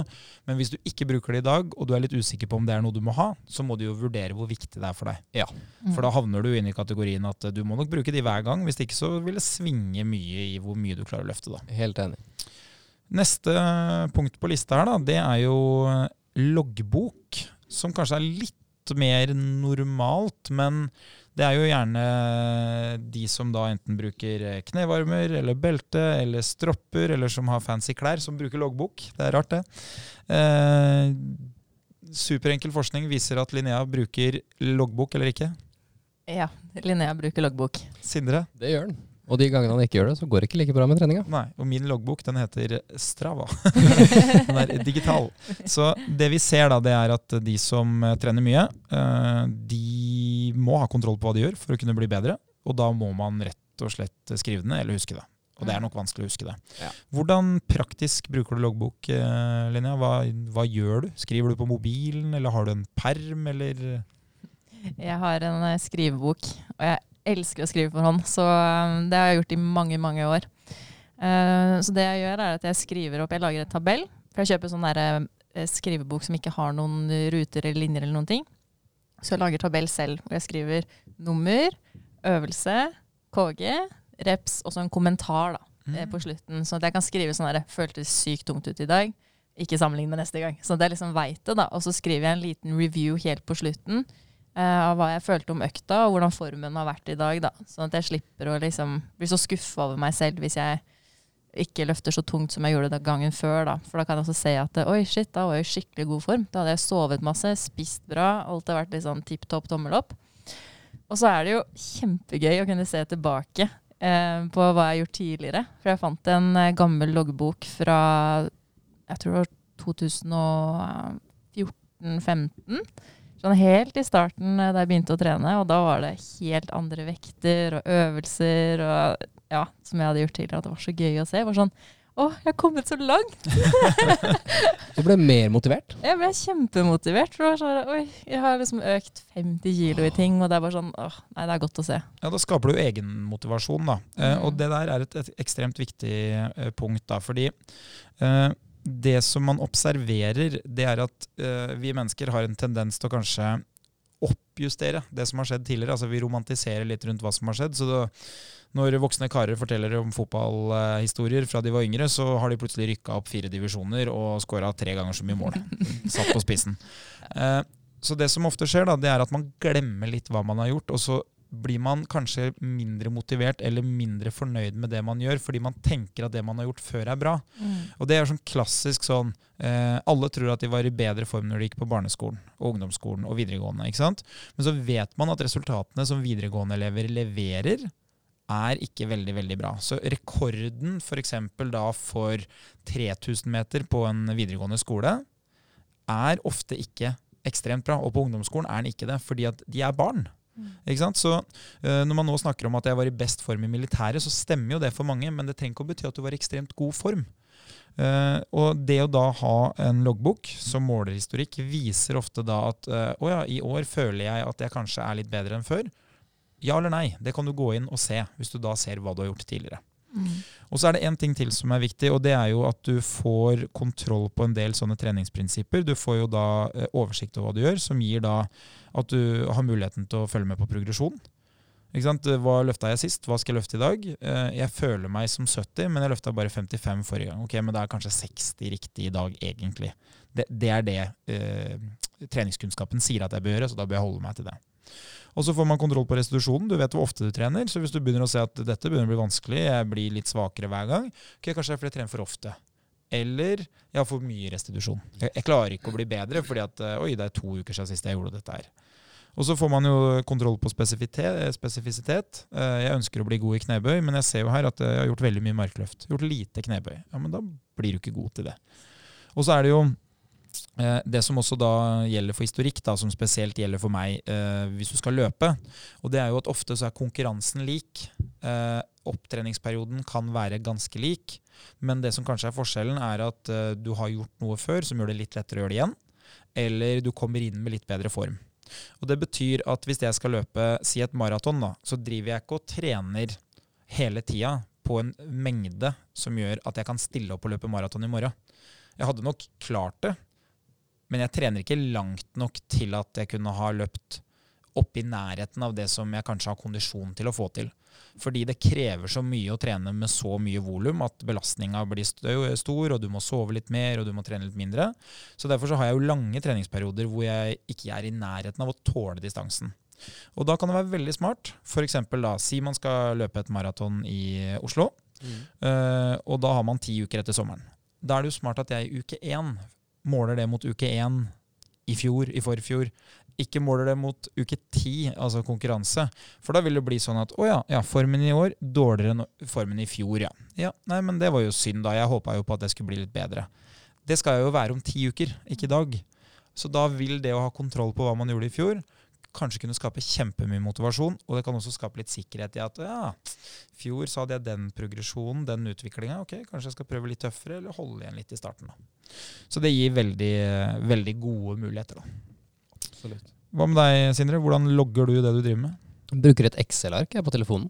Ah, Eh, Så mye av det samme som du gjør, Linnea, bare at eh, jeg orker ikke å tegne og fikse alt sjøl. Så jeg har bare lagt alt i et system, og så skriver jeg. og så ganger du og plusser og minus og deler og sånn. Oh yeah! Så står det 'Hvor mange tonn har Sindre løftet i dag?' Nei, vet du hva? Jeg har, det, det hadde vært veldig kult å få til, men problemet er at jeg er ikke noe Excel-kyndig. Så jeg har sett at det går an, men jeg har ikke fått det til. Så du har en fancy notatblokk med ruter? Ja. Deilig, altså. Men uh, jeg ser jo det, alt det du sier, det er så relevant til hvordan kundene mine føler seg òg. For i treningsperioder hvor det går litt dårlig, hvis de har trent en stund, så føler de at nei, jeg har ikke blitt noe bedre enn noe. Ops. Så sier jeg jo, du har jo det, vi har begynt med en helt ny øvelse. Se hvor du var da når du begynte med denne øvelsen her, når vi begynte å trene. For da gjorde vi jo mye generelt. Så blei vi mer spesifikke når du kom i gang og fikk deg noen mål og følte på mestring. Og da går det opp et lys. Å ja, jeg har jo gjort dette en gang før, men med noe annet. Og da jeg, ser jeg ofte at de føler på en trygghet som gjør at de har lyst til å gjennomføre det en gang til. Og de tror at det kan gjennomføres en gang til.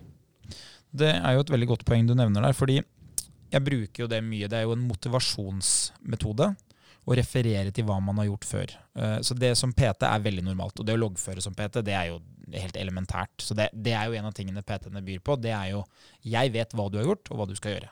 Det, det er jobben min, i tillegg til at jeg sørger for at du gjør det. Ja. Og da er det sånn at For å skape motivasjon så kan jeg jo si sånn Husker du tilbake til du gjorde dette første gangen? Eh, da klarte du fire utfall. Nå går du 20 utfall med fire kilo i hver hånd. Men så kan man også bruke det når folk møter opp igjen, f.eks. etter sommeren, og de sier sånn åh, jeg burde ha trent mer, eller ah, nå er jeg helt tilbake på start. Så kan vi gå utfall, så sier jeg eh, se her nå, nå gikk du 16 steg. Husker du første gangen du gjorde dette her? Da gikk du fire steg, og så klarte vi ikke mer. Så det man ser, da, det er jo at ved å trene jevnlig over tid, så vil jo det som de fleste antar er å starte på nytt, det vil ikke være i nærheten av der du startet første gangen. Yes. Og da vil det å ha kontroll på loggboka si plutselig ha en verdi. Da, da skaper det motivasjon og trygghet på at man gjør ting riktig. Ja. Og så fjerner du litt av det å være unik, da, ved at eh, da vet du hva som har funka på din kropp, som ofte kan være et problem fordi eh, man benytter seg av det som er generelt for alle, og så vet man ikke om det alltid passer for seg. Da. Helt enig. Neste punkt, nummer syv, pulsklokke. Det har alle. Det har i hvert fall uh, jeg sett inne på treningssenteret. Må man ha det? Nei. Det må man absolutt ikke. Det må man verken på styrketrening eller kondisjonstrening. Det er jo veldig viktig å påpeke at det er et flott verktøy, men det fins mange metoder som er si, subjektive følelser, hvor vi diskuterer hvordan man føler seg. Og veldig ofte så kan man jo se at det kan ha et samsvar. Spesielt sånn som jeg tipper at du som er såpass god og har løpt såpass mye, vi kunne nok brukt mange av de, de prinsippene og de teoriene på deg og fått ganske like tall som du får på pulsklokka. Eh, Så det er jo noe jeg anbefaler til de aller fleste. Men bare hvis de har begynt å løpe mye.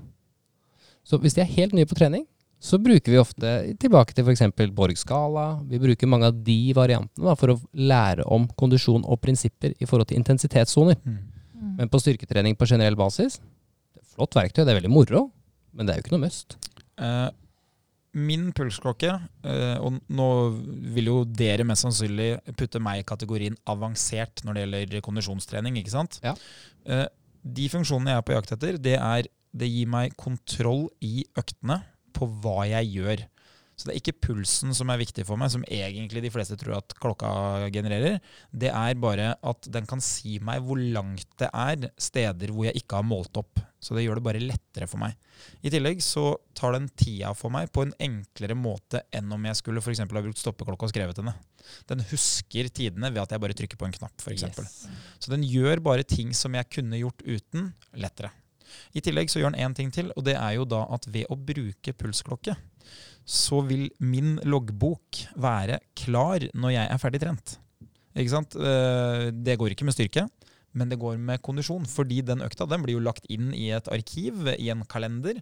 Og så får jeg da hvor mye jeg har trent, eh, hvilke pulssoner jeg har trent. i. Alt sånt blir jo lagra, så loggboka er jo helt perfekt idet jeg er ferdig trent.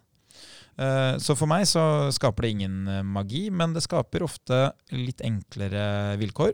Og så er det i tillegg sånn at det kan jo skape litt motivasjon når man ser at oi, her løper jeg fortere enn det jeg har gjort før. Og det kan du få beskjed om underveis, ikke Yes. når du er ferdig. Men øh, jeg vil bare minne om øh, 1960. Øh, Bikila. 2.16, tror jeg. Bare fot. Ikke sant? Ikke pulsklokke, ikke GPS, ikke sko. Og en tid som mest sannsynlig i dag hadde holdt til å bli norskmester ganske mange ganger. Så det bare viser jo liksom at før i tida gjorde man jo kjempestore ting helt uten de verktøyene. Men det kan være en kilde til motivasjon i dagens samfunn. Yes. Det å liksom se eh, Og det har jo de fleste vært litt flinke på. Lagd sånn, kall det litt sånn gamification. da. At du i dag kan få sånn Du har satt deg noen dagsmål, og så begynner du å se på liksom OK, nå har jeg, jeg har en ny klokke nå. Jeg bruker en, en Apple Watch. Og da får jeg sånn Har du stått én gang hver time? eh, I minimum jeg vet ikke, jeg tror det er ett minutt. Og Det er liksom kult å se, fordi det blir litt sånn at nå har jeg begynt å reise meg når det er igjen fem minutter, når jeg får beskjed om det. Og det hadde jeg ikke gjort hvis ikke. Og så vet man fra studier at det er bra å reise seg regelmessig, for du får litt endring i blodtrykk som gjør at kroppen må jobbe litt ekstra. Og så kan du få sånn Ok, nå mangler du 100 kalorier til dagsmålet ditt som du har satt på forhånd. Så på kvelden så blir det sånn Ok, men da tømmer jeg oppvaskmaskina nå istedenfor i morgen tidlig, for da får jeg stått og gjort litt forskjellig, som gjør at forbruket er litt høyere. Så det, det sørger jo for at jeg er mer i aktivitet. Så de tingene er jo bra, da. Ikke sant? Og der går vi tilbake til det. Flott verktøy, det, bevisst, det gjør deg bevisst. Mm. Men det er jo ikke noe magisk. Nei, problemet her er jo hvis man kanskje er litt annerledes rusta. Man kan jo òg bli skuffa over seg selv. ikke sant? Nå er det så tydelig at jeg ikke nådde det. Nå er det så tydelig at jeg ikke lykkes med det jeg har sagt jeg skal gjøre. Og hvis man da hadde vært en person som hadde fortsatt, hvis man ikke visste at man skuffa seg selv, så hadde du kanskje i de neste tre ukene ikke egentlig gjort ting som hadde skuffa deg, så ville jo ikke det vært avslørt. Så sånn sett så ser jeg jo at det kan falle ned på begge sider. altså. Ja. Bruker du pulsklokke? Det gjør jeg, men uh, det er mest fordi jeg liker å ha um, mobilen i nærheten, holdt jeg på å si. For da får jeg jo varsler, og jeg bruker ikke så mye til eh, trenings... Uh, Sånn spesifikt, da, i og med at jeg trener med styrke og ikke kondisjon. Men eh, tidligere i koronaperioden så var jeg veldig opptatt av å jogge og sånne ting. Så da brukte jeg pulsklokka mye mer. Og da syns jeg det var veldig motiverende å se hva den rangerte meg på, sånn i forhold til VO2 max, som den uh, tydeligvis klarte å måle. da.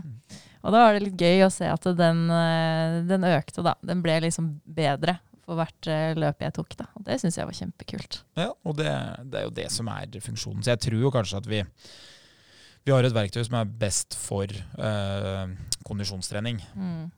Men det kan også si noe om hvor mye du har trent. Så uavhengig av hva du trener, så er det jo en fin måte å loggføre eh, volum av trening i tid. da. Yes. Så hvis du da har en sånn funksjon som gjør at den økta bare lastes opp i en kalender f.eks., så vil du jo begynne å se at ja, denne uka trente jeg tre ganger, forrige uke trente jeg to. Som vi ser av studier er viktig fordi eh, det som vi eh, opplever, da, det er at når man gjør befolkningsundersøkelser, så trener de fleste et sted ca. rundt fire ganger i måneden. Mens hvis man ser på selvrapportert trening, så ligger det på ca. ni ganger i måneden. Så det er ikke et samsvar mellom hvor mye kroppen din beveger seg, og hva du tror at du gjør. Og Det skyldes nok at i mitt hode så er det bra å gjøre det to ganger. Treningsplanen min sier at det er to ganger. Og så er det to ganger i mange uker, men det er veldig mange uker hvor det er én eller null også. Og da blir snittet et helt annet enn det som du tenker at du driver med. Da. Så det, det ser vi at kan fungere. Vi har kommet til siste punkt, som er da punkt nummer åtte. Og da er vi tilbake til noe som man kan observere uh, inne på treningssenteret og lure på om man trenger, og det er jo kalk. kalk som i da ikke det som skal på plena, som jeg heiv utover her, eh, eller var kanskje gjødsel? Nei, det var kalk. Det er ikke godt å si. Jeg, det er ikke noe bonde, holdt jeg på å si. Nei, det Bruker man kalk på plenen? Det visste jeg ikke. Jeg tror eh, Det kan fort hende. Det skal jeg, må jeg sjekke opp. Men eh, ikke sikker. Det er ikke godt å si. Nå, det nå sa jeg bare noe som ga mening i mitt hode. Det kan hende det ikke stemmer, så det må vi finne ut av. Men vi snakker om eh, eh, kalk eller eh, klatrekritt, eller altså, sånn som man bruker i hendene når man trener. Bruker du det? Um, jeg har brukt det litt tidligere. Um, da jeg prøvde å komme meg opp i chins. Um, men eh, det er egentlig noe som jeg burde bruke mer av. Fordi jeg har veldig clammy hands. Så jeg blir veldig fort svett og glatt på hendene. Og da hjelper det med kalk. For da blir jeg sånn tørr, og da klarer jeg å ta et ordentlig grep uten at jeg er redd for at jeg skal glippe stanga. Ja. Og jeg klarer liksom å presse meg litt mer muskulært, da. Istedenfor å Det hjelper jo veldig mye, faktisk. Ja. Det er jo ofte det jeg gjør med kundene mine også. De som har blitt veldig sterke, og så ser vi at begrensende faktor er bare at du er så svett i hendene. At du bare du faller ut hver gang. Da sier jeg her, prøv litt kalk. Men da, hos oss så bruker vi jo ofte sånn derre tube. For du har jo to varianter av kalk òg. Du har sånn derre svær kloss, og, og den griser mye, altså. For, for det er jo Nå sier jeg også noe jeg ikke har peiling på, men eh, eh, magnesium Er det ikke Jo, men Ja, for det er ikke alltid kalk, er det det? Det er, helt, nei, det er helt riktig, men jeg lurer på om det blir Om det ikke blir brukt i samme sammenheng. Om det faktisk er Nei, det er ikke godt å si, men i hvert fall sånn styrkeløftere har jo ofte sånn stor eh, Det ser ut som sånn champagneskål, bortsett Ja. fra at det er ikke flasker oppi der. Det er uh, Kalk. Det er kalk, eller, ja. eller da eh, magnesium. Det skal jeg finne ut av. Mm. Men uh, det, det vi har her, er vel en ja, så, Som du sier, da, du kan bruke en tube som gjør at det blir mye mindre Søl. søl. Ja. Men det her må jo være en mellomting mellom ingenting og sånne flaps eller straps, eller som vi Mm. snakka om i stad. Ja, jeg tenker jo det. Jeg ser jo ikke på det som Hvis du tar sånn som stroppene, da, de gir deg jo Gir deg jo hjelp og støtte, men de tar jo også vekk Tar jo noe fra deg. Hvis du, har, hvis du sliter med fuktige hender, Mm. og du bare blir litt tørr i hendene, så er jo ikke det noe annerledes enn å ha en sånn løftehanske. Nei, det er akkurat det. Det Ja. er helt riktig. Så det er jo bare en fin måte å kunne trene mer på. Uh, og potensielt, sett det viktigste her, kunne holde den stanga. Mm. Mm. Eh, jeg kan si det sånn at eh, det er vanlig å kalke plenen. Eh, det er best å kalke på høsten eller våren før snøen er helt smeltet. Og eh, hvorfor? Eh, hensikten med kalking er å heve jordas pH-verdi. Eh, ofte er det unødvendig. Det er jo et godt innsalg av produktet sitt. Eh, men det handler om at hvis pH-verdien stiger, så blir det mindre mose, virker det som. Så det tørker ut, da. Ikke spør meg, jeg bare leste det rett fra Google. Ja. Men uh, derimot magnesium er jo, det er jo et eh, tilskudd man tar. Da. Eh, Men jeg, hva er det jeg har Jeg trodde det var et annet stoff enn kalk man brukte. Ja, men jeg vet at uh, tilbake til basket, så er jeg ganske sikker på at disse proffgutta, i hvert fall i NBA, der er det jo ballen er litt annerledes, så den er ganske glatt. Og jeg tror ikke de bruker kalk, skjønner du. bruker de ikke klister, da? Sånn Nei, nei, nei, nei, nei, nei, nei, nei, nei. slapp av litt nå. Det er for øvrig det, eh, For meg, da, så når jeg har prøvd å spille litt håndball, som jeg måtte på idrettshøyskolen f.eks., eller i gymmen og sånn, så jeg forstår eh, viktigheten av klister. Men det gjør idretten litt mindre attraktiv for meg. For det er jo klister all over. Ja. Eh, og det er kanskje akkurat det samme andre folk tenker om klister på ski. Eh, at uh, da skøyter jeg heller. så her, her velger man en annen idrett. Uh, Men virkelig. men jeg skjønner jo at man ikke spiller uten, for det hadde jo vært litt uh, seigt, holdt jeg på å si. Om du ikke har ordentlige baskethender, da. Nå skal det sies at det ser ut som at jeg har veldig store hender når vi måler mot hverandre. Men eh, når du har spilt med folk som er 2,10, da du føler deg, En ting er at du føler deg liten i høyden, men når vi begynner sånn, da ser det ut som at jeg har en liten barnehånd. ikke sant? Så for de å holde en basketball er ikke noe problem. Nei, de tar mer enn halve ballen med én hånd. Enkelte gjør det. Det er ganske stilig. altså. Så han derre uh, Shack, Ja, han som er så sykt svær, Noen gedigne labber. han som bare er det klype med to fingre, så har han hele ballen. Uh, jeg hadde faktisk eh, noe for meg her igjen, altså, fordi magnesium bruker man faktisk eh, for grepet. Og da er spørsmålet er magnesium eller kalk best for grepet.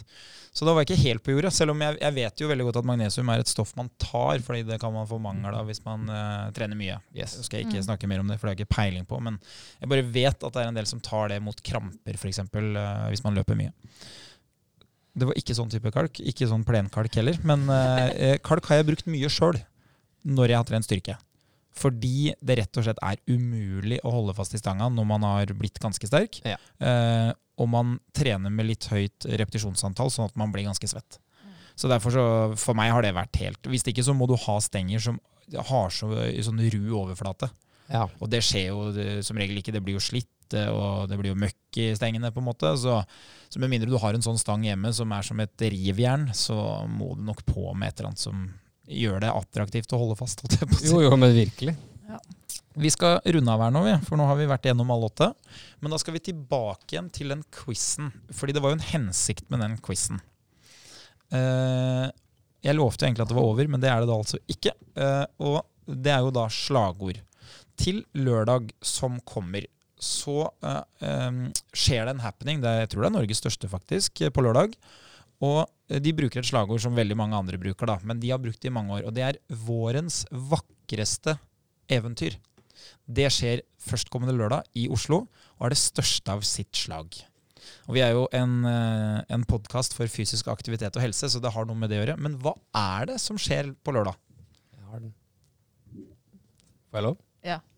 Vi kan ta den samtidig, da. Skal vi prøve og se om vi treffer? Ja, vet du, det hadde vært dritkult. Ok, Ok, vi gjør det. En, to, tre. Oslo. Maraton. Faen. Kolonstafetten. Nei, Oslo Marathon har vært, har det ikke Det det? er på høsten. Ja, faen! Men, men det kunne ha vært Det var jo samme gate, da. Men det er eh, Ja. Holmenkollstafetten. Skulle bare stole på deg. Jeg tror faktisk det mønstrer flest mennesker. Eh, Det var jo i mange år sånn at eh, Birken og sånne ting hadde jo ekstremt mange deltakere. Oslo Maraton og helt ekstremt. altså Snakker fort sånn 15 000, eh, nesten 20 000. Store løp i utlandet, sånn Berlin Maraton og sånn, tror jeg er 50 000 startende.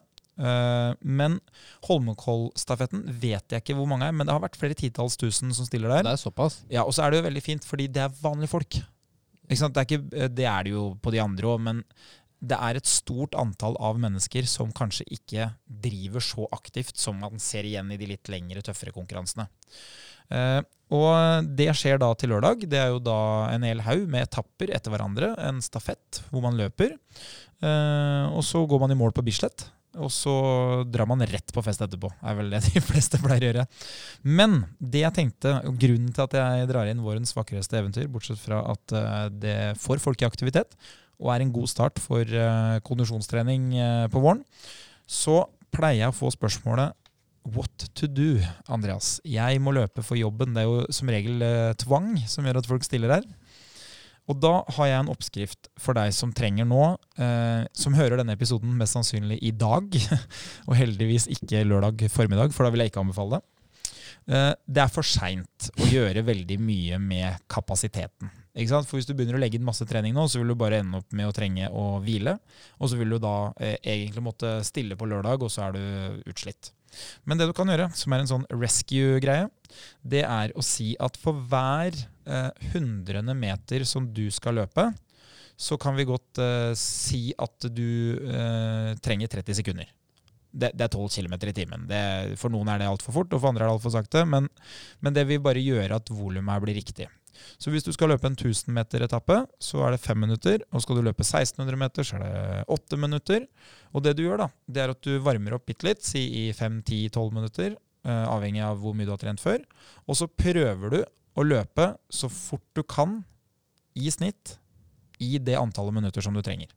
Så for eksempel hvis Linnea da hadde hatt en 1200 meter lang etappe, eh, la oss si for eksempel er det noen 1200 meter? De fleste er 13-14. Si 1400 meter, da. Du har etappe én. Eh, fra Sankthanshaugen hvis du løper i bedrift. da. Eh, Den går litt slakt oppover, som er helt pyton, og så går den nedover etterpå. Som ofte er trøbbelet. Men hvis du ikke har løpt noen ting, og du begynner å kjenne nå at oi, dette blir jo seigt, jeg kommer meg ikke unna, jeg må være med, så får du da 1400 meter, det er syv minutter. Og det du kommer til å gjøre, det er én, du kommer til å få spesifikk trening som gjør at du presterer bedre. Du kommer til å være litt bedre forberedt mentalt, for du har vært igjennom noe av det samme, så du vet litt hvordan det kommer til å se ut. Og så kommer du til å gjøre en siste ting, og det er hvis du ikke har trent veldig mye, så kommer du til å gå på en solid smell når du tester det, som gjør at du skjønner at å ja, når jeg skal løpe på lørdag, så må jeg løpe litt saktere. Mm. Så det er en veldig veldig effektiv måte å sørge for at du blir litt mer kalibrert før du da skal stille på lørdag. Så de, alle dere som sitter nå med tanker om at jeg burde ha gjort mer enn det jeg gjør, så gjør det. Ca. 30 sekunder per 100 meter, og så lar du det stå til. Og så er det det du gjør før start. Gjør det helst innen torsdag. Vårens vakreste eventyr. Vårens vakreste eventyr. Etappe syv til Besserud. Det er ikke vakkert. Det er altfor mange høydemeter. Så øh, jeg har også løpt nedover fra Besserud. Det er helt øh, håpløst når du er på toppen og er helt stiv og skal begynne å løpe alt du kan nedover etterpå. Istedenfor å lyve ville jeg bare sagt 'just go with the flow'. Du, du Sindre, som jeg kjenner deg, du hadde løpt siste etappen inn på Bislett. Å ja! Høye, høye knyttnever og store steg. Du har jo sett meg løpe inn i finish line før. Ja, ja, ja, ja. Du hadde elska det. Ok, nok om det. Til alle som skal i aksjon på lørdag, lykke til. Så får vi se om vi skal i aksjon, det vet vi ikke. Plutselig, det hender det, detter inn noe i mailboksen hvor noen spør om det. Uh, håper dere setter pris på at vi har gått igjennom litt sånne generelle ting på trening. Vi uh, ønsker deg lykke til med treninga videre, og så høres vi om en uke. Vil du vite mer om trening, abonner på podkasten og sjekk ut vårt treningsmagasin på evo.no.